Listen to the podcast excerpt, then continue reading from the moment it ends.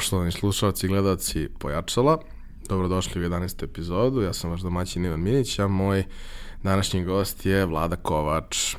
E, uz ime Vlada Kovač se najčešće vezuje pojam Webiza, pojam Zrenjanina i neke sjajne energije koja se primarno generiše krajem marta, generalno se razliva i tokom ostatka godine. I zašto je vlada ovde, osim što je simpatičan, drag i svi ga volimo i doživljavamo ga kao jednu maskotu, jednu plišanu životinju ovaj, naše neke zajednice, jednog dobrog duha koji nas sve natera, čak i kad možda to nama ne izgleda kao dobra, dobra stvar, da se nađemo, da se družimo, da se vidimo, da se ispričamo i da vidimo da nismo sami u svemu kroz, kroz šta guramo.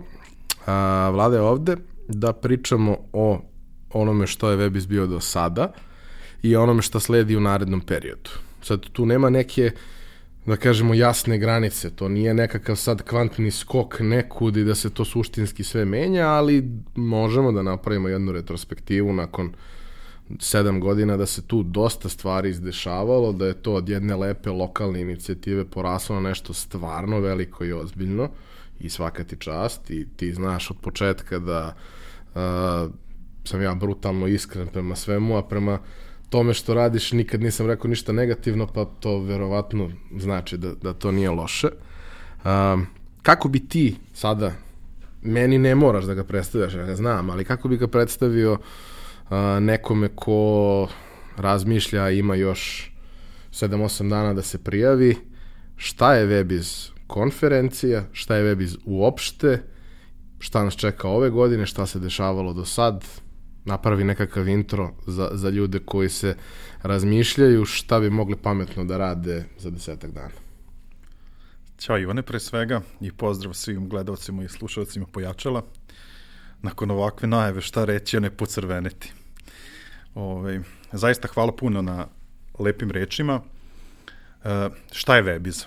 Mene dosta njih, e, da kažem, u, u društvu voli da se šali sa mnom zbog neke moje izjave od pre par godina kada sam ja krenuo ovaj, da, da pričam, pa sam razgovor počeo Webiz kao ideja. Ja zaista mislim da je Webiz jedna ideja koja poslednjih sedam godina evoluira i razvija se. Mi smo počeli kao mala lokalna konferencija u Zrenjaninu i na samom početku zaista nismo imali ambicije da se, da se to širi na nivo na kom je sada ali ono što bih voleo da, da kažem ono, uh, publici koja gleda i sluša ovo, jeste to, ono što ti vrlo dobro znaš, jeste da ideja za Webiz potekla 2007. godine, kada sam ja bio prvi put na nekoj konferenciji i to se desilo u Niškoj banji na konferenciji BizBuzz. Eto, i problem od starta. Odeš, napraviš sebi problem i sve ovo što sledi je posledica tog problema. Ne, zaista, to, to što se osetilo na, na BizBuzz konferenciji te godine i, da kažem, godinama kasnije, BizBuzz ja mislim da je poslednji bio 2011. godine, okay. to je zaista, eto, u meni ovaj, usadilo neku ideju da ako tamo može neki Niš i Niška banja da prave jedan tako sjajan događaj sa tako fenomenalnom energijom, tako sjajnim ljudima, zašto ja to ne bi mogao da, da napravim i u rodnom Zrenjaninu? E sad, kao kao i obično, da neka dobra ideja dođe do realizacije, treba i ona malo da, da odstoji, da se steknu neki, neki uslovi. Eto, to je sve moralo da, da traje negde do kraja druge polovine 2012. godine kada sam se ja zadesio u jednom takvom kolektivu uh, gde se eto dobre ideje uh, da kažem podržavaju i, i odobravaju i onda sam eto predložio ajmo ljudi da probamo da pravimo tako nešto malo je bilo problematiko. Pa makar i uspelo. pa makar i uspelo. Uh, malo je bilo čudno ovaj, i bilo možda malo meni teže da, da obrazložim zašto baš Zrenjanin. Uh, a pritom pričamo o, o kolektivu firme gde ja, danas, gde ja danas radim, gde u tom trenutku svi osim mene su bili rodom iz Majdanpeka. Ja jedini zrenjaninac i ubeđujem njih 15 da mi treba da radimo nešto u Zrenjaninu. Ovaj, to je bilo, ali moram priznati, taj deo je bio puno lakši, ubediti, ubediti svoj, svoj tim da, da se tako nešto proba u Zrenjaninu, nego ubediti ljude u Zrenjaninu da tako nešto treba da podrže to je, uh, verovo ili ne, bio, bio teži, uh, teži deo, ali je bilo sjajno to što sam ja u tom Zrenjaninu, kada sam predstavljao ideju, došao do nekoliko ključnih ljudi koji su prepoznali da tu ima nečega. Opet podsjetio bih, mi pričamo o kraju 2012. godine i ne priča se u tom periodu toliko o internetu, poslovanju preko interneta, mnogima je to i dalje bila neka toliko strana tema da nisu ni koristili nešto posebno društvene mreže. Bilo je tu svega i svačega kada, kada sam izlagao ovaj, da se u Zrejnovu drži konferenciju o internet poslovanju. Ali kažem, nekoliko ključnih ljudi od kojih se ne, ispostavilo da su neki bili i moji drugari iz ulice kada, kada smo ono bili, bili klinci. Tako da za to neko inicijalno organizovanje, za prvu konferenciju mi smo skupili jednu ekipu ljudi i 2000, marta 2013. godine desio se prvi webiz, kada je bilo nekih 250 ljudi. I sad ću ispričati jednu ovaj, anegdotu vezano za, za prvu konferenciju. Mi smo zaista, moram priznati, od lokalne samuprave imali podršku uh, od samog početka, ali nisu oni baš to shvatali šta mi to želimo da, da napravimo. Ovaj, prepoznali su da tu postoji neka šansa za, za mlade i sada mi smo došli par dana pred samu konferenciju u Zrenj da tamo sve pripremimo, salu, hotelu i tako dalje. Noć pred konferenciju, pola 12 uveče nama ulazi gospodin gradonačelnik Zrenjanina sa svojim pomoćnikom da se uveri da će se ta konferencija zaista desiti, jer nisu verovali ovaj, da je tako nešto moguće i kad su ušli u pola 12, mi smo bili, da kažem, u sred poslova, postavljanje bine, ozvučenja rasvete i tako dalje. I onda su nekako im je bilo lakše da to će se ipak desiti u, u Zrenjaninu. Ovi, ovi stvarno nisu normalni. Da, ovi stvarno nisu normalni. Ovaj, ali to je naša drugarica Maja Marković ovaj, ono, rekla skoro. Mislim, ne skoro, više puta mi je to ponavljala, da ono, ljudi koji se bave organizacijom konferencija, da su ono, ovaj, najverovatnije ludi ili neka gora, ili neka gora dijagnoza. Uglavnom, taj prvi webi se desio, reakcije su bile fenomenalne, ali mi smo nekako u tom trenutku ostali smo na tome, to je to jedan od projekata na, na kome radimo u firmi nije se postavilo pitanje, svima se nama to ovaj, svidelo i, da kažem, reakcije kakve su bile uh, i ti neki efekti, naravno bilo je tu nekih eto klijenata koji su došli do nas jer su videli da mi tu nešto možemo da, da radimo. Nije se postavilo pitanje, ok, radit ćemo i sledeće godine, ali i dalje to nije bila, da kažem, ovaj, primarni motiv da mi to razvijemo kao, kao brand događa i da se to širi na neke druge gradove i tako dalje. Ono što je negde nas nateralo da da širimo, ali mi u tom trenutku nismo baš puno znali o tom poslu. Mislim, ja, eto, šta sam ja tu mogao da uradim, jeste da sam pozvao tebe u tom trenutku, Vitu iz Niša, da se nađemo na kafi i da mi vi objasnite kako se to prave konferencije. I mi ti rekli lepo nemoj. Stvarno jeste, evo. Za kameru jeste, rekli ste, ali ovaj, kao, kao i za sve u životu, ovaj, prilično sam uporan u, u, u, kada ono, zamislim nešto i želim da, da ja realizujem. Nisam vas poslušao, ali eto, mi se družimo ono i sedam godina ovaj, nakon toga i ono, zajedno negde radimo na, na svemu tome. Šta se desilo? Mi nismo razumeli najbolje šta znači praviti konferenciju, ko tu sve dolazi, šta tu treba sve ljudima ponuditi. I sa neke strane ono treba da imaš i taj neki samokritički stav da analiziraš šta je to što si uradio. Mi nismo bili zadovoljni time što se na toj prvoj konferenciji nisu pojavile firme. Jer smo se mi nazvali Webiz konferencija o poslovnoj primjeni interneta. Naravno, zainteresovali smo veliki broj mladih ljudi, bilo je to dosta, tu dosta ljudi sa strane, ali onda smo kao razmišljali zašto, ljudi, zašto firme nisu došle, šta, gde smo mi tu pogrešili. I onda smo prosto shvatili da firmama, preduzetnicima treba ponuditi sasvim drugačije sadržaje. Oni već imaju neki svoj biznis i njihov cilj jeste da taj biznis razvijaju i da nauče nešto novo što će im pomoći isključivo u razvijanju i daljem rastu tog biznisa. A mi smo opet negde bili prilično opšti sa temama na, na konferenciji. Te teme su možda više doticale mlade ljude jer su im davale uvid i, ba kažem, mogućnosti IT-a u smislu razvoja njihove karijere. Pa i nekakve profesionalne orijentacije u tom Tako svetu. Jer tu pričamo ipak o, o, o svetu koji ima jedan čitav spektar delatnosti koje jesu povezane, ali u suštini nemaju baš previše dodirnih tačaka, osim tehnologije kao zajedničke jeli, zajedničke polazne osnove. Tako je.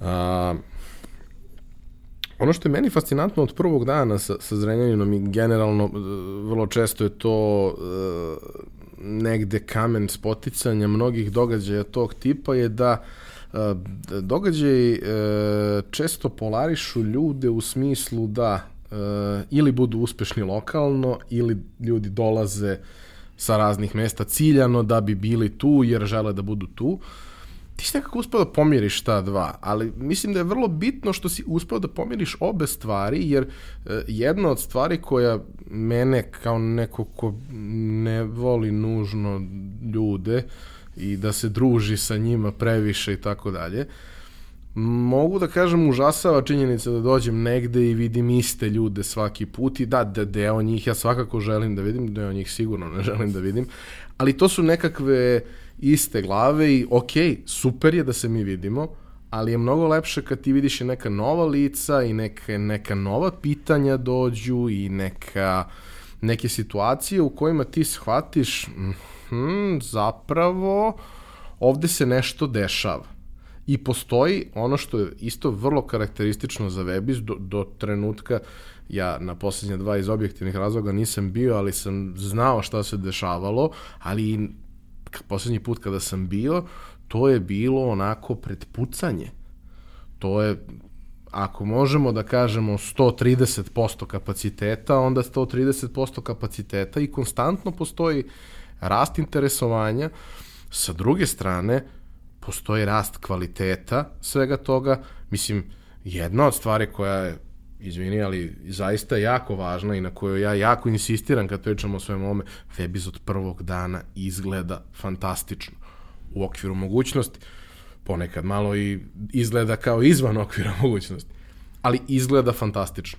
Taj deo prič organizaciono, on je na nekoliko nivoa više od mnogih sličnih, pa nekih i skupljih i kao ozbiljnijih događaja, ali mi sad tu imamo nekoliko stvari. Mi imamo s jedne strane uh, ljude, lokalnu, ozbiljnu lokalnu zajednicu koja se formirala, imamo te nas čudne ljude koji dolazimo i trudimo se da dolazimo i želimo da dođemo i želimo da budemo tamo. Postoji nekakav uvek rastući i po kvalitetu i po broju nekakav korpus predavača, postoji kvalitativni napredak, postoji sve to i postoji nešto što je uvek, uvek ono znak pitanja – dobro, ovo je super bilo jednom, pa dobro i drugi put nije loše, treći put, aha, super, super, ali ovo traje već neko vreme i čini mi se del, taj samoubilački pogled koji imaš, mi deluje kao da će to da traje još neko vreme, odnosno da deluješ, poznajem te, znam da, znam da to nije tačno, ali deluje kao da znaš šta radiš sa svim ovim. Verovatno, samo deluje. nema, važ, nema veze, ne, važno je da deluje. Važno je da deluje. Šta, e, šta, šta se dešavalo? Ok, rekao si, prvo je krenulo tako, drugo se onda desilo, shvatili smo mi neke stvari, ali, e, ok, pet godina na, kasnije pričamo o nečemu što je zaista impozantno. Šta su sve delovi toga? Šta je, šta, sada ajde konkretno pričamo o kraju marta, pričat ćemo i o ostalim stvarima. Šta sve čini Webiz? Ko sve čini Webiz? Zašto ljudi treba tu da dođu? Pa pazi, zaista sada nekih 6-7 godina nakon ono, pokretanja ideje, to sve vrlo, vrlo drugačije izgleda i zaista jeste, jeste i ozbiljnije. Uh, to sve tako izgleda zato što mi prosto želimo da napravimo taj neki korak napred i ono što smo svesni jeste da mora da bude promena, mora da bude promena na bolje u narednoj to nekoj uh, iteraciji i svake godine gledamo na koji način da, da načinimo tu promenu. Ono što se nije promenilo tokom ovih sedam godina jeste to što mi unutar, unutar naše, naše firme imamo ono sjajan tim ljudi koji zna šta radi i svako je zadužen za, za određeni segment i svi negde lično smo mi napredovali na, na tom polju.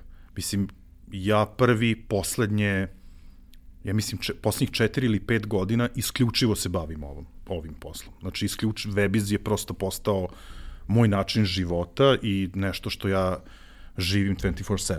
Dijagnoza. Dijagn da, i to F dijagnoza. ovaj, svi mi zajedno smo negde evoluirali i svi smo mi negde ovaj, sami sa sobom došli na, na neki novi nivo i prosto i sama firma je shvatila da, da tu leži određeni potencijal.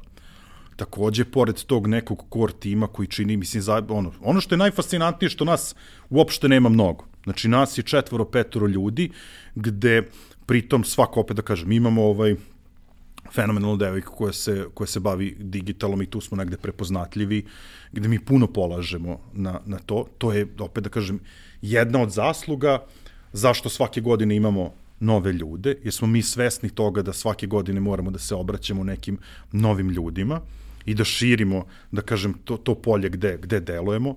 Ove godine, na primjer, otvoreno imamo ovaj, kampanje u, u, u celoj, u celoj bivšoj Jugoslaviji, jer smo shvatili značaj povezivanja u regionu. Uh, ono što je bitno, bitno nam je da mi razumemo ko su ljudi koji dolaze na Webiz i šta to mi njima treba da, da ponudimo. E sad, u kontekstu toga imamo par ljudi koji su nama konsultanti, koji nam pomažu da shvatimo šta to ljudima treba ponuditi i ono da budem ono iskren i otvoren prema sebi. Ja sad već imam određeni broj godina, ljudi koji dolaze na webis konferenciju su po defaultu prilično mlađi od mene, tako da je meni vrlo bitno da ja razumem šta ti mlađi ljudi žele da, da čuju na, na konferenciju. Kažem, u skladu sa tim imamo troje, četvoro ljudi koji nama eksterno pomažu da webiz izgleda lepše što si, što si pomenuo, jer opet i taj, u taj segment izuzetno puno polažemo, evo, poslednjih godinu dana gledamo da svi naši webiz događaji budu tematski, da prosto imaju svoju temu i, i vizuelno i sadržajno i tako dalje. E, programski da to bude prilično različito, opet da se neka ta zajednička nit provlači e, kroz ceo događaj. I opet kažem, shvatamo da su na prvom mestu ljudi koji dolaze na Webis. I sve ovo radimo kako bi oni bili zadovoljni. Ali ono što bih rekao da je negde univerzalni recept uspeha Webiza jeste 50-50. 50%, da kažem, snage i energije ulažemo u to da program bude adekvatan, da ljudi budu zadovoljni, da imamo taj neki wow efekt, a drugih 50% je networking.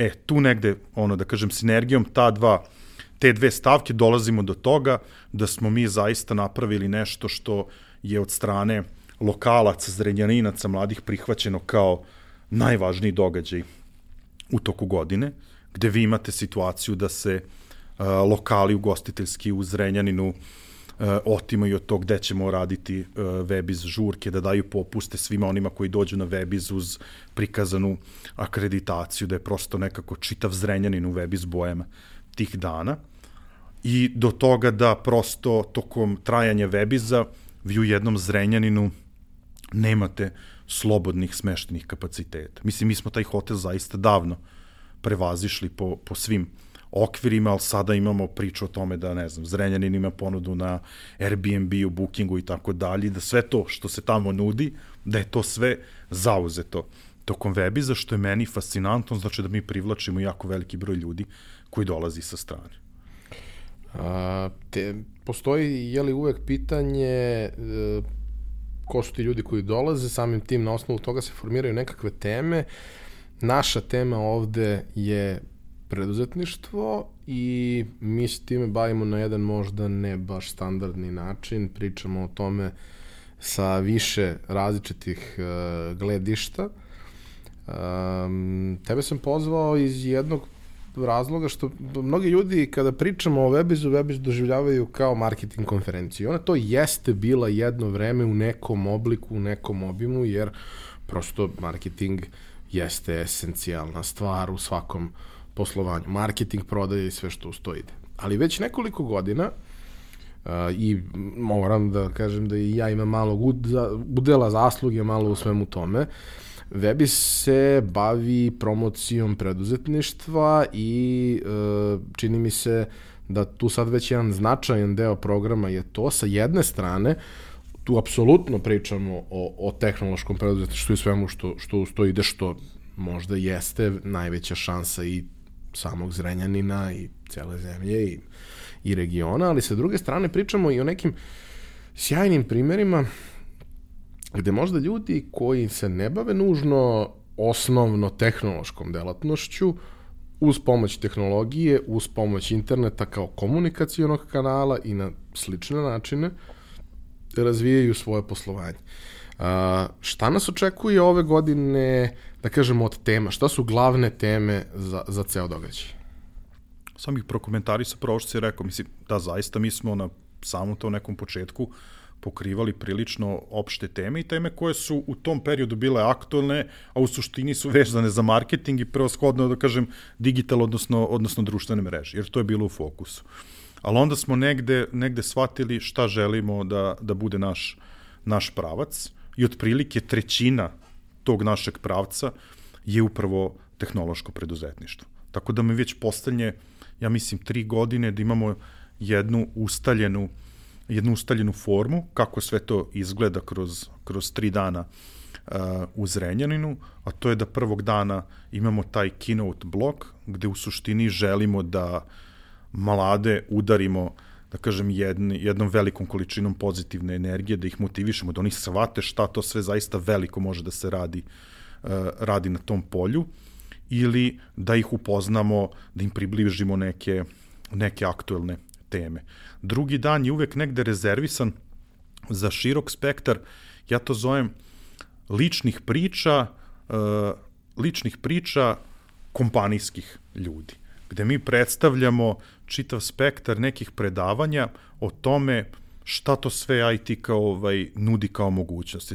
Pričamo o širokom spektru za zanimanja, uh, jer ne znam, eto, prošle godine smo imali zanimanje virtualni asistent na radionicu, gde to prosto apsolutno nema veze sa nekim e, kodiranjem ili dizajniranjem, što ljudi obično prvo, prvo pomisle.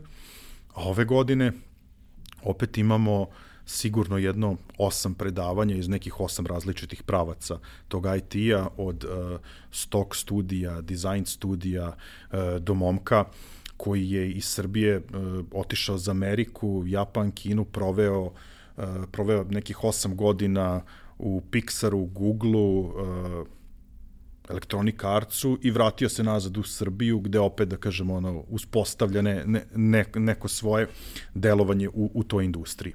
I nedelja standardno kao treći dan gde se isključivo bavimo tehnološkim preduzetništvom, gde, gde kroz niz uspešnih priča ljudima prikazujemo na koji način se sve to uh, može, može doći do do tog uspeha, podstičemo tu preduzetničku ideju, a opet ne nužno da je to vezano da je to vezano sasvim za IT, jer ne znam, eto pre neku godinu, mislim da se me baš ti upravo spojio, imali smo priču o Charliju i ono fascinantnom nameštaju koji, koji dečko pravi, opet koristi uh, digitalne tehnologije, internet, da to sve nekako plasira. Pri, plasira da.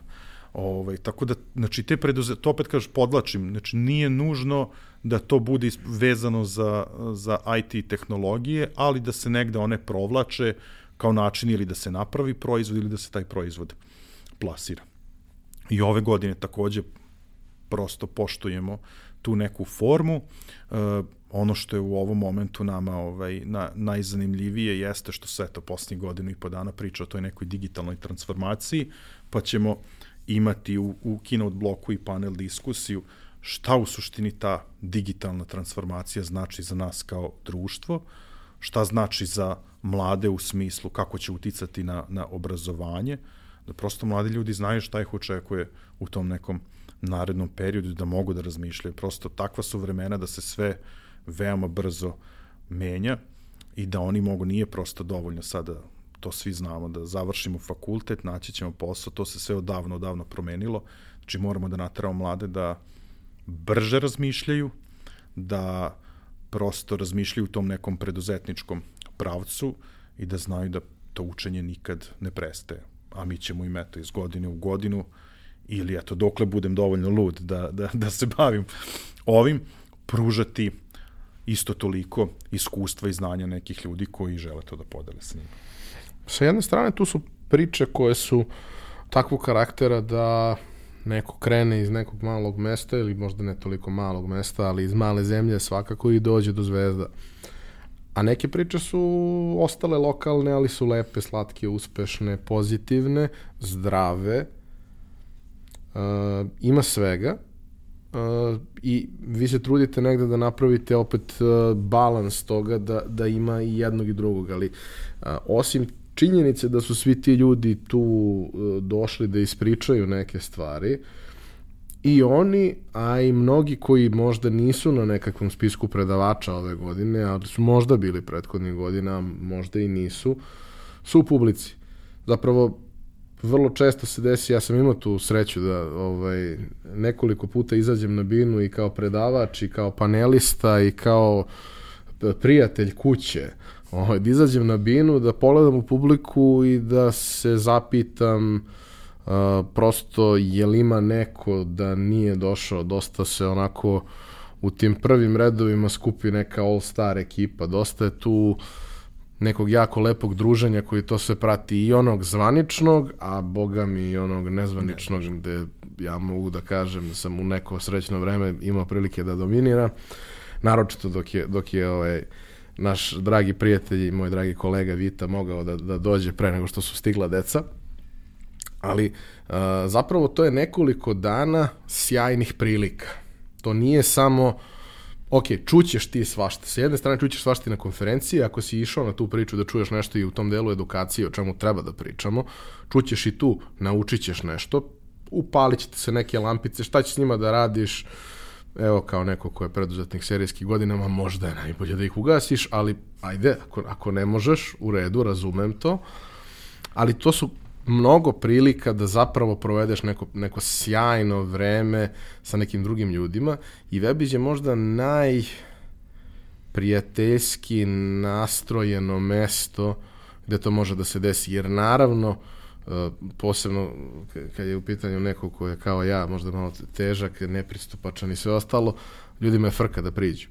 Ali ovde je to nekako lakše. Prvo, svi smo mi uh, pozitivniji i opušteniji nego inače. Drugo, uvek tu postoji nekoliko uh, ljudi koji mogu da naprave taj intro to, za tebe da. ako ti je problem. Uzmeš čoveka pod ruku i on će pred, ono, predstaviti, napraviti konekciju čak i ako ti je frka i tu stvarno možeš da dođeš do, do, do fantastičnih ljudi.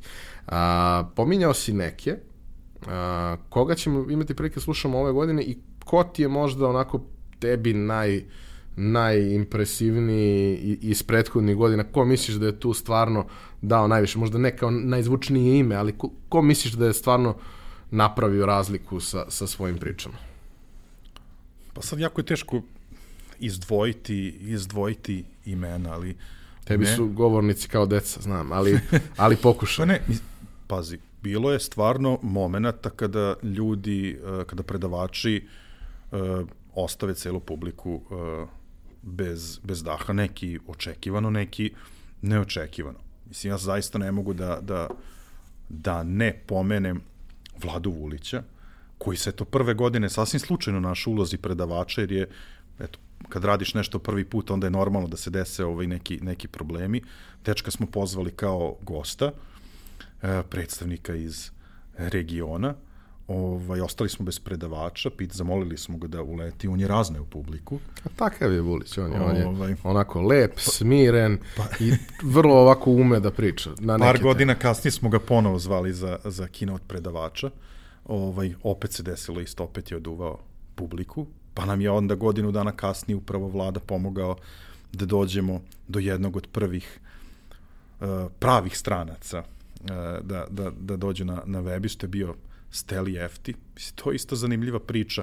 On dečko se bavi prodajom, ali ono šta je on ispričao na tom predavanju, mislim, prvo fascinantno je što je čovek grčkog porekla, rođen je u Nemačkoj, živi, uh, živi u San Francisku i ceo taj njegov background. A priča u Zrenjaninu.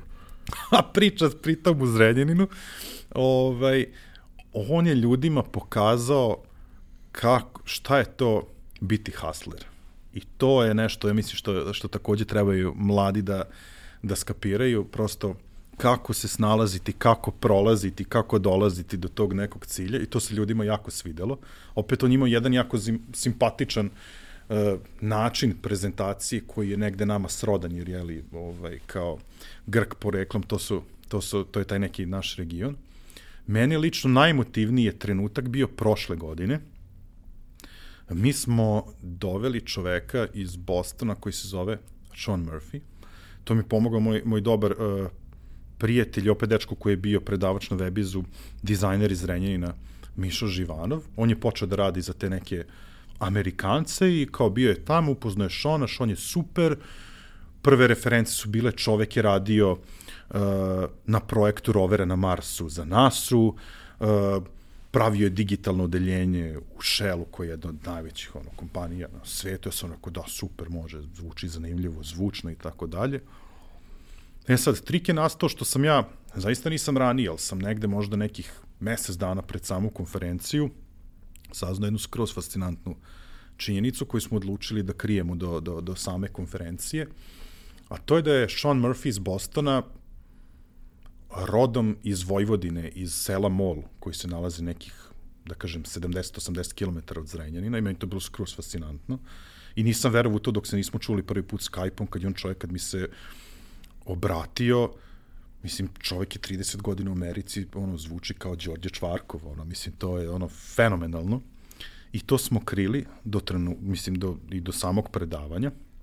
Čovjek je počeo da priča, normalno na američkom engleskom 10 minuta i u jednom momentu postavlja pitanje na engleskom koja je to šta to po, ovaj, povezuje NASU, Shell i Vojvodinu i onda je samo na srpskom ovaj, progovorio da je to inat i poče da priča na srpskom sa sve ono jakim vojvođanskim akcentom. Ja mislim da se tada cela sala naježila I sad ajde, nije sad to što je on progovorio na srpskom, nego što je čovjek pričao svoju priču da je on rođen u jednom selu mol od oca Amerikanca i majke Srpkinje, gde su oni njegovu budućnost videli kao zubnog tehničara i slali ga u školu, on beže iz škole u biblioteku da čita fiziku jer ga interes, interesovala fizika. I čovek je došao do nase, do nase i do šela i opet nazad priča u jednom zrenjaninu. Tako da to je meni ovaj, to je, da kažem, možda neki najemotivniji trenutak, jer su ljudi shvatili da tu zaista ima nešto, nešto magično i da prosto ne, tu nema ograničenja. Znaš, kad se ti rodiš u neko malo mesto sa 50.000 stanovnika, a veruješ u to, tebe interesuje fizika i sutradan, ovaj, odnosno ne sutradan, neki 20 godina kasnije ti šalješ tamo neki rover na Mars, to ovaj, zaista ono, nam govori da ono, nema ograničenja, ono, sky's the limit. Kako beše Mihajlo Pupin od pašnjaka do učenjaka, nešto tog tipa. Pa ne, ali e, pričali smo par puta o svemu tome i zapravo kad kreneš malo da kopaš po tim nekim biografijama tih ljudi, ok, ne možeš uvek da računaš na to da ćeš ispostaviti da mu je devojka koja mu je slomila srce na fakultetu koju nikad nije prežalio ovaj, bila iz, iz Vojvodine ili nešto slično, ali meni se dešavalo zapravo uh, nekoliko puta da krenem u neku priču sa ljudima bez nekog previše detaljnog predstavljanja ko sam, šta sam da ne bi opterećivo jer kapiram da one ljudi imaju previše ove obaveza. I da u nekom trenutku kažem odakle sam sve i onda oni krenu da pričaju na lošem srpskom ili malo boljem srpskom i onda mi objasne pa znaš ja sam srpski zet ili neka opet priča moja baka je oni su se pokupili i došli iz Hrvatske za Ameriku ili za London ili tako dalje. Zapravo takvih priča, takvih priča ima dosta i uh, uvek negde kad pokušavaš da dovedeš predavača, ok, lokalno ti možeš da budeš relevantan. Lokalno ti možeš da budeš relevantan, lokalno ti možeš da napraviš neku gravitaciju, neku specifičnu težinu da i kad se ne pojaviš, ljudi znaju pa se sami jave, a javiš se, onda oni odreaguju na to drugačije, ali kad zoveš neke ljude s polja, to je uvek izazov, to je uvek teško. I sad, ispravit ćeš me ako sam ja pogrešno shvatio, ali ne bih rekao da sam shvatio pogrešno. Vi ćete sada dovedete Japanca u Zrenjanin. Za, da. Zašto? Hteo sam ono da izbegnem ovaj, da... Zašto, da. pobogu? Zašto? Pa,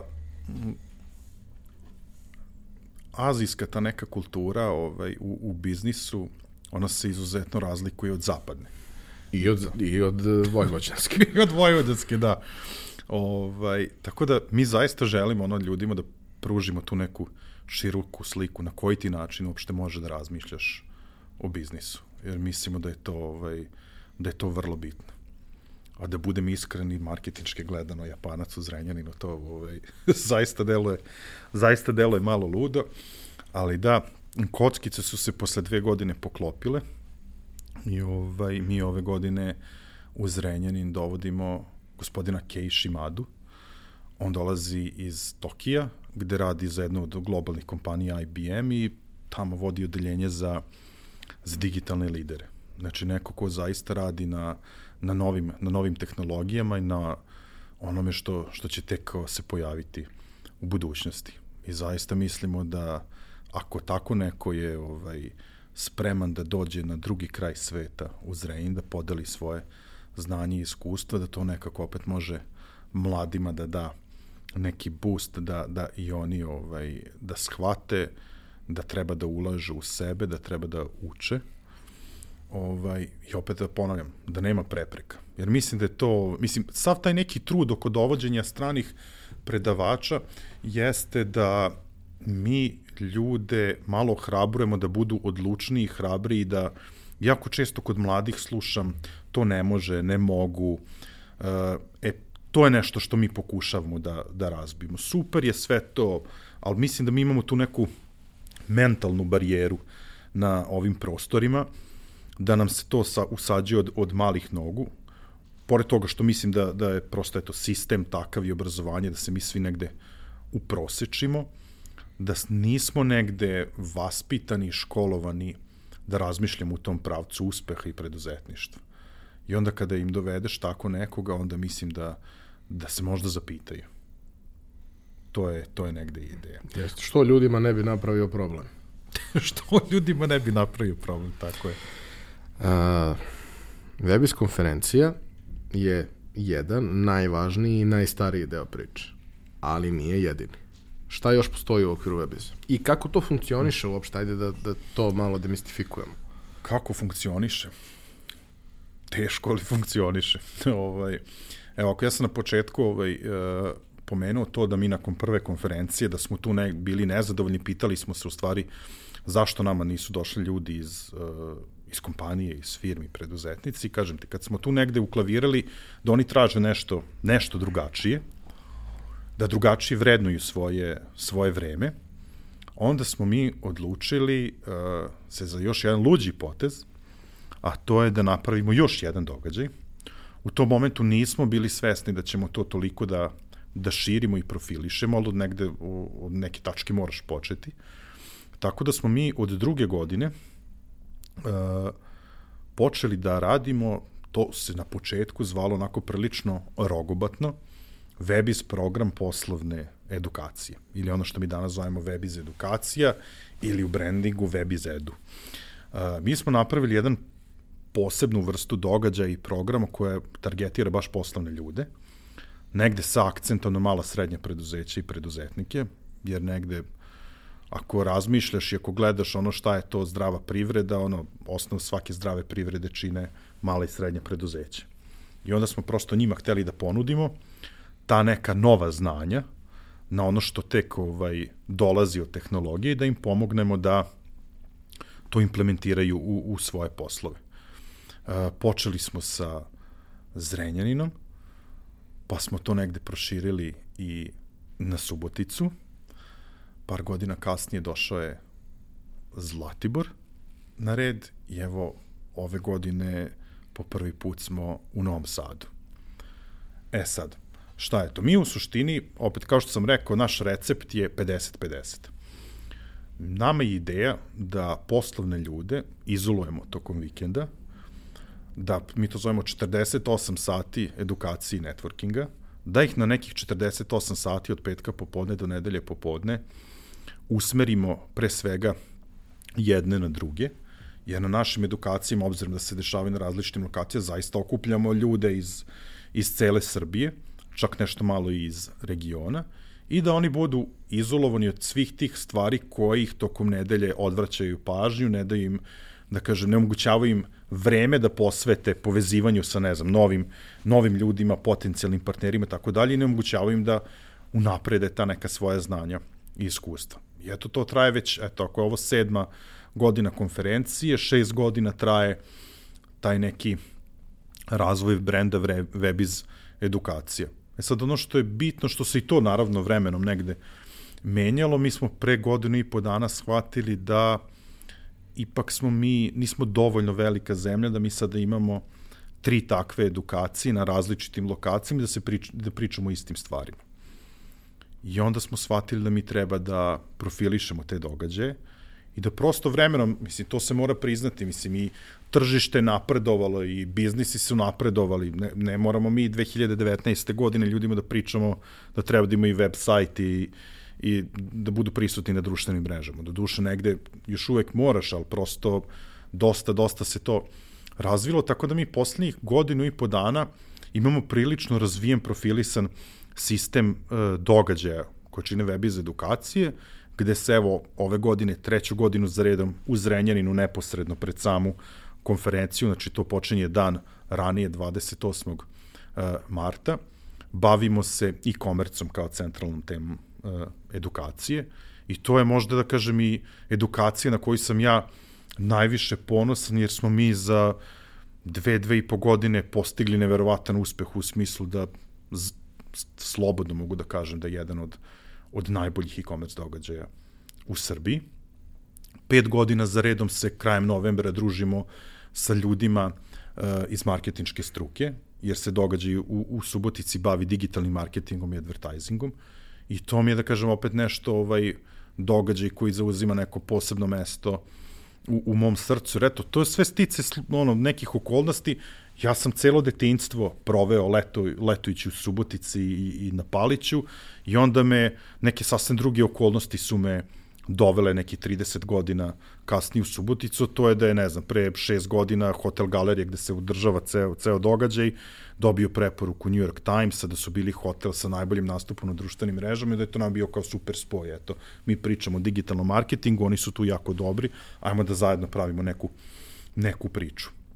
Tri godine smo bili prisutni na Zlatiboru u, u hotelu Palisad, gde smo prošle godine počeli da se bavimo temom digitalne transformacije na jedan vrlo ozbiljan način, jer smo negde primetili da se taj izraz često zlupotrebljava, da kažem, i u komunikaciji javnosti se ljudi plaše tim izrazom, kao da je to ne znam kakav bauk, opet i da se neke stvari koje su totalno, ovaj, kako da kažem, sitne i obučne, obične podvode pod pod izraz transformacije.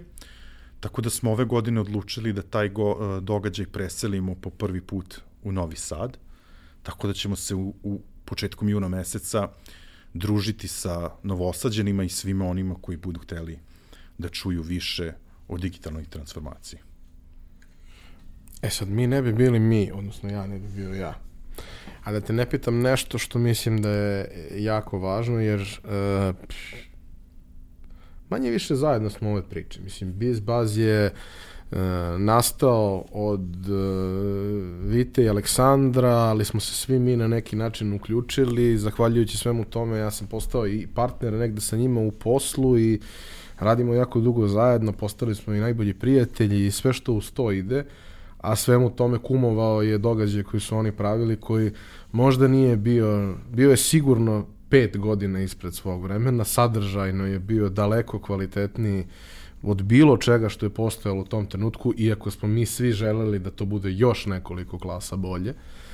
Uh, ugasio se 2011. Bože zdravlja, vratit će se u nekom trenutku. Mnogo je nekih lepih inicijativa pokrenuto, ali se one nisu razvile u, u, u nešto ozbiljnije. Napravili su možda prvi korak, ali su ali su u tom procesu ljudi odustajali i to sve. Lepo je sve to što, što mi sad pričamo i uh, to je kada dva ludaka sede pa njima je zanimljivo, drugima možda i nije ili možda nekom sličnom jeste, a ovo je posao. Mislim, mi ne možemo ignorisati tu komponentu svega toga. A, kako od toga napraviti posao, odnosno kako napraviti nešto što sa jedne strane, mislim, ti, pošto si poseban, ko što jesi, ti, ti još ono, dižeš očekivanja, troškove i sve to i uz nadljudske napore uspevaš da sve to ispratiš kroz sve ostalo, iako si gotovo sam u, u većem delu toga, ajde u nekim stvarima imaš i, i, i in-house podršku i sve. Siguran sam da postoje još neki sjajni, nadam se, mlađi malo ljudi od tebe, ipak si ti, ipak si ti dosta stariji ovaj, nego što bi bilo poželjno u tome čime se baviš. Sigurno postoje još neki sjajni ljudi, možda neki klinci, koji imaju želju da naprave nešto ovako, ne znaju od čega da krenu, uh, pitaju nekog kao što smo mi, onda mi kažemo nemojte, molim vas, e, ajde sad da ignorišemo to, nemojte, molim vas. Kako bi im ti savjetovao da krenu? Ima nekih malih inicijativa po Srbiji, dešava se, mnogo toga fali da one porastu, mnogo nekog entuzijazma se iz, izgubi u početku. E kako to, osim tog početnog entuzijazma, jel prvi put možeš da skupiš ono, momentum da se to pokrene, da se napravi nešto od toga, ali kako od toga napraviti sistem i kako od toga napraviti komercijalno uspešnu priču, jer mislim, ti si čovjek iz Renjena koji živi u Beogradu, ti si pre svega jedan domaćin, mislim, tako, svi mi koji smo ikad bili, ti si se uvek 100% davao da svima nama tu bude pre svega kako treba, da se osjećamo stvarno lepo, da nam stvarno bude sve potaman, E, što je sigurno skuplja opcija i ne mora možda tako da se radi, ali prosto kako pokušati od toga napraviti nekakvu uspešnu poslovnu priču? Kako napraviti level up? Kako, kako juriti, koga juriti, na koji način tražiti podršku? Mislim, ti si uspeo to na nekoliko različitih mesta sa nekoliko različitih stvari. Uh, šta je nešto što, što misliš da je najvažnije da kažemo nekome ko, ko, ko razmišlja da krene o tome? Pa prvo ljudi moraju da shvate, ovaj, prvo da sagledaju svoje očekivanje. Znači šta oni očekuju od te ideje, od događaja koji žele da, da, da organizuju. Prosto vi ne smeju sebi na tom nekom početku postaviti da kažem neke, neke visoke ciljeve zato što kada se to ne desi, prvo što oni izgube taj entuzijazam, koji zaista ne smeš, ili prosto ako si ti nosilac ideje, mora to da te drži bar dve, tri godine, ono da ti veruješ u to. Ili da izgleda kao da mora budeš lud. Ne, de facto moraš, moraš da budeš lud. Ovaj, e sad, ima tu sad nekoliko stvari, mislim, naš put nije, nije bio lak, jer kao što sam rekao, ja, e, što možda negde moja porodica najviše osjeća, ja živim Webiz. Znači, 24 kroz 7, telefon, e, telefon svetli noću dok spavam, stižu mailovi, poruke i tako dalje. Moraš da budeš spreman na, na tako nešto i zaista moraš da ludo da, da veruješ u to. Organizovanje događaja u Srbiji nije posao od koga ćeš se obogatiti. Znači, to je, bilo Mislim, je tako. Ako hoćeš da ga radiš tako da svi budu zadovoljni. Ako hoćeš da ga radiš da, da svi budu zadovoljni. E sad, ono što, mislim, opet hvala na, na, na lepim rečima, uh, ja zaista verim u to, ja zaista volim da, da, da budem dobar domaćin i trudim se da to uh, tako, tako izgleda, ne sad da kažem da je to deo neke biznis logike, nego je to je nešto, prosto takav sam. To je nek, tako deo sam vaspitan. Da. da. Ovaj, e sad, Ali ako pričamo o biznis logici, biznis logika mi je takva da se trudimo da svaki posetilac našeg događaja sa događaja ode sa mišlju da je dobio više nego što je platio. To je, da kažem, ta neka biznis logika. Ali opet mislim da treba biti iskren u komunikaciji sa, sa partnerima, a sa druge strane, kada komuniciraš sa svima onima koji misliš da, da ti mogu doprineti, podržati te, moraju da ti vide taj sjaj u očima. Jer da ja nisam bio, da kažem, uporan i vukao ljude za, za rukav, nikad ne bi obezbedio podršku. Ja znam da je meni sada lako sa ove distance da, da pričam, nama je trebalo, i to treba reći, nama je trebalo dve godine da mi stanemo na noge u smislu da smo na nuli. Znači, to, znači, potrebno je računati da ti moraš da uložiš, uložiš ozbiljno vreme i relativno ozbiljan novac za, za Srbiju ukoliko želiš da praviš stvari ovakve kao, kao što mi pravimo. Ali to ne mora da krene tako, to može da krene od nekog, da kažem, jednodnevnog događaja, gde ti želiš, da kažem, određenu, određenu kritičnu masu da, da, da okupiš i mislim da može da se radi. A mene je jako obradovalo ove godine što, što se dešava po drugi put Jagodrom. To je meni fenomenalna stvar. Iako su imali pauzu od, od par godina, ovaj, mislim da se on sad upravo, upravo za, završio. Imamo Vršac, koji takođe traje otprilike kao i Webiz. Meni je svaka lokalna inicijativa izuzetno, izuzetno važna, jer to pokazuje da postoje ideje koje okupljaju neke ljude na tom lokalnom nivou i moram priznati taj ovaj ne znam kako da kažem taj slogan uh, radi kako je kako je živi Ćosin? lokalno radi globalno živi živi lokalno radi globalno taj Ćosin ovaj slogan je meni zaista fenomenalan i nešto što ovaj stvarno mladima pokazuje da bez ikakvih problema ti možeš da uživaš sve benefite života u, u malo mesto, da radiš neke zaista, zaista velike stvari. Uh, tako da nema nekog univerzalnog recepta, osim da ljudi treba da budu istrajni, da veruju tu ideju i da budu ludi. da, pomaže, to st... pomaže ako... Pomaže, ako pomaže ako, si, ako malo nisi u vinklu. Tako da... Uh, svaka lokalna inicijativa prevaziđe dimenzije lokala u nekom trenutku. Webiz je, kao što si i sam rekao, postao, pa aj sad neću baš da, da preterujem da je glavni turistički događaj godine u Zrenjaninu, postoje dani piva, ipak ne drugi treba, ne treba, drugi, da, da, da, naravno. ne treba to, ovaj, ne treba to uh, zanemariti, ali postao je značajan turistički događaj za Zrenjanin. Uh, u svakom malom mestu uh, svakako postoji i ta komponenta gde naravno treba pokrenuti sve, napraviti, što kažu, trakciju neku, zašto treba vreme, ali potencijal apsolutno postoji. E sad, uh, opet možda ili ulazimo u neke stvari koje su previše lične, ali nisu lične, ti pričaš prilično otvoreno o tome, a to je, uh, ok, sa jedne strane postoje nekakve lokalne mogućnosti da li je to lokalna samouprava ili nekakva turistička organizacija ili nešto tog tipa, ali postoji izvor prihoda koji je ulaznice, kotizacije i taj neki deo edukacije, dakle, prosto taj deo, deo novca, ali to nije dovoljno. I, ok, u startu krećeš sa idejom da ćeš ti morati da pokriješ tu nekakvu razliku iz sobstvenih sredstava, pozemice, čega god, A e, na koji način, mislim, možda ti nisi tako išao, znajući tebe, verovatno nisi ti išao iskreno, ali sada sa ovim znanjem i iskustvom, kada bi krenuo da gradiš nešto, šta bi preporučio nekome da radi po tom pitanju, da ga gradi u smeru da stvori ideju i, i, i mogućnost da se tu pojavi neko ko bi mogao to da podrži. Jer super je ako postoji uh, ako je to malo mesto u kome postoji jaka IT firma ili pojedinac koji potiče odatle pa će dobiti podršku toga, ali toga u Srbiji nema mnogo. A opet postoje možda potencijalno neki ljudi koji mogu da budu zainteresovani. Na koji način si ti pokušavao da te stvari pokreneš? Neke firme koje su podržavale Webiz, neke od, od važnih firmi koje su podržavale Webiz, jesu bile interesno vezane za Zrenjanin, svakako. Ali daleko od toga da su sve. Ne, naravno.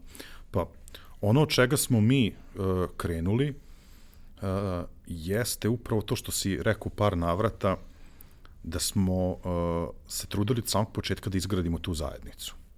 Jer ta zajednica prosto ti u nekom narednom periodu predstavlja ambasadora tvog događaja, ambasadora tvog, tvog brenda. Mi, na primjer, prve dve godine konferencije nismo naplaćivali kotizacije, svesno smo ušli u, u tako nešto. Mi prve godine, prve godine faktički smo imali jednog sponzora. I to je, opet da kažem, trebalo nam je dve godine da stanemo, da stanemo na, na nulu, ali eto, te treće godine, mi smo zaista odjeknuli od treće godine možda krenuo taj neki naš malo jači razvoj prisutnosti u medijima i na društvenim mrežama, zato što su prosto ljudi pričali. Sazrelo sazrelo. E, zato je, da kažem, ono bitno da se, da se ulaže u tu zajednicu, mi jako puno ovaj, dajemo na to. E, konkretno, nama su, na primjer, mladi u Zrenjaninu izuzetno bitni i tu puno, puno da kažem, i, i ulažemo i komuniciramo pre svega sa tehničkim fakultetom, visokom tehničkom školom, uključujemo veliki broj studenta u samu organizaciju kroz, uh, kroz volontiranje. Da, ti si pomenuo core ekipu, pomenuo si eksterne saradnike za te neke ključne teme, ali zapravo Webiz nije uopšte toliko mali. Ne. Količina ljudi koja radi je ogromna, ali to su lokalni ljudi, volonteri koji kroz to dobijaju priliku da budu deo nečeg sjajnog i da budu da kažemo, ne. i prisutni na svim tim događajima i mogu da vide, čuju sve to. Ne, ne, naravno, mislim, dobro. I dalje smo mi mali u okvirima, ja sad ću ovaj, ljudima to da probam da objasnim uz pomoć par e, cifri. Ja sam, na moju veliku žalost, prvi put otkrio Weekend Media Festival pre dve godine i bio fasciniran. Prosto to je, ne znam, možda najveći festival u, u regionu, ima negde oko 5500 ljudi. Imao sam prilike da pričam s jednim od organizatora. Meni to sve to bilo fascinantno s neke profesionalne strane, kažem, organizatora događaja. Znači, događaj je oko 5000 ljudi. Ja pitam čoveka, dobro, koliko vas radi na organizaciji ovog festivala? On meni odgovara između 30 i 40 ljudi tokom cele godine. Rekao, dobro, tokom festivala, tokom festivala 300-400 ljudi. I onda prosto... To je to, tu, mislim, to je. to je tu. Ovaj, na zaista, koliko sam rekao, znači, ne, ne znam, četvoro, šestoro nas je u, u core ekipi, u, u firmi, od kojih opet, ovaj, mislim da sam samo ja isključivo angažovan na Webizu, ostali radi na drugim, na drugim projektima. Ovaj, e, troje, četvoro konsultanata koji su, ovaj, koji su tu, da kažem, savetodavno. A zaista taj broj ljudi koji, se, koji je na samoj konferenciji, imamo negde dvadesetak volontera koji svake godine moraju da pišu, ne znam, imaju intervju i pišu motivacijonu pismo zašto baš oni treba da budu zašto baš oni treba da budu volonteri. Postoji konkurs na fakultetu gde se studente prijavljuju, zašto baš oni da dobiju besplatnu kotizaciju. Jer, kažem, ono, ta stvar je u Zrenjaninu prilično velika, slažem se sa tobom, ne, ne da ne možemo, nego apsolutno ne želimo ono, da se poredim sa danima piva koji su možda stvarno najvažnija ovaj, manifestacija u Zrenju i Zrenju negde i poznat po tom, iako dugo, dugo već nismo grad piva ali uh, veliki, veliki velike stvari smo uspeli da, da uradimo tokom sedam godina. Ja sam pre ne, ne, nešto malo vremena održao jedno predavanje, pa sam pravio jedan slajd šta se to u Zrenjaninu po pitanju te zajednice, a i ti promenilo uh, proteklih sedam godina i onda kad ti vidiš tu logotipe kompanija koje su od tog momenta poče, mislim, nemam nameru da, da uzimamo zasluge, eto kao Webiz je to sve doveo, ali smo uspeli mladima da prikažemo jednu sasvim drugačiju sliku o mogućnostima i veliki broj mladih smo zaista motivisali da krenu u tom nekom pravcu. Pa ti danas, posle sedam godina, imaš nekih 5-6 IT kompanija u Zrejnu, od kojih su neke, da kažem, ovaj, razvojni centri ili istorene odeljenja beogradskih ili novosadskih, gde sad imaš po 50 developera. Uh, gde imaš opet jedan starti centar u, u Zrenu koji ono na nedeljnoj bazi organizuje čitav niz kvalitetnih događaja, ti imaš novotvorene od IT odeljenje u gimnaziji elektrotehničkoj školi, gde tebi sad srednjoškolci imaju želju da dođu da dođu na Webis, pa evo, dolazi nam nekih dvadesetak klinaca koji, eto, nemaju, ne znam, ono, 16-17 godina i koji se već interesuju da uđu u tu, da kažem, priču o tehnologiji i, i preduzetništvu. Dobro, Vlado. Izgleda da ste uspeli da pomerite neke stvari u Zrenjaninu. Uh, od 28. edukacije, od 29. do 31. konferencija. Pozivamo se, ako ste zainteresovani, da pogledate sajt konferencije, vidite više informacija i ako razmišljate o tome, eventualno se prijavite i dođete, vidjet ćemo se tamo, sigurno. Neće samo biti ja, bit će gomila sjajnih ljudi, bit će čak i nekih prethodnih gosti ovaj, na, na samoj konferenciji. Tebi hvala što si odvojio vreme. Hvala tebi na pozivu. A vama, poštovani slušalci i gledalci, hvala što ste još jednom odvojili neko vreme da poslušate jednu sjajnu priču sa jednim sjajnim, dobrim čovekom pre svega. Kao i do sada, molim vas da u komentarima i putem društvenih mreža pošaljete svoj feedback, da nam kažete da li možda postoji neka tema koju još nismo dotakli, a voleli biste da o njoj pričamo, da li možda imate nekog gosta koji je interesantan, koga se mi nismo setili, sve u svemu, budimo u kontaktu, javite se, mi ćemo zaista sve što dobijemo od vas pregledati, ozbiljno o tome razmisliti i pokušati nešto da uradimo po tom pitanju. Hvala još jednom na pažnji.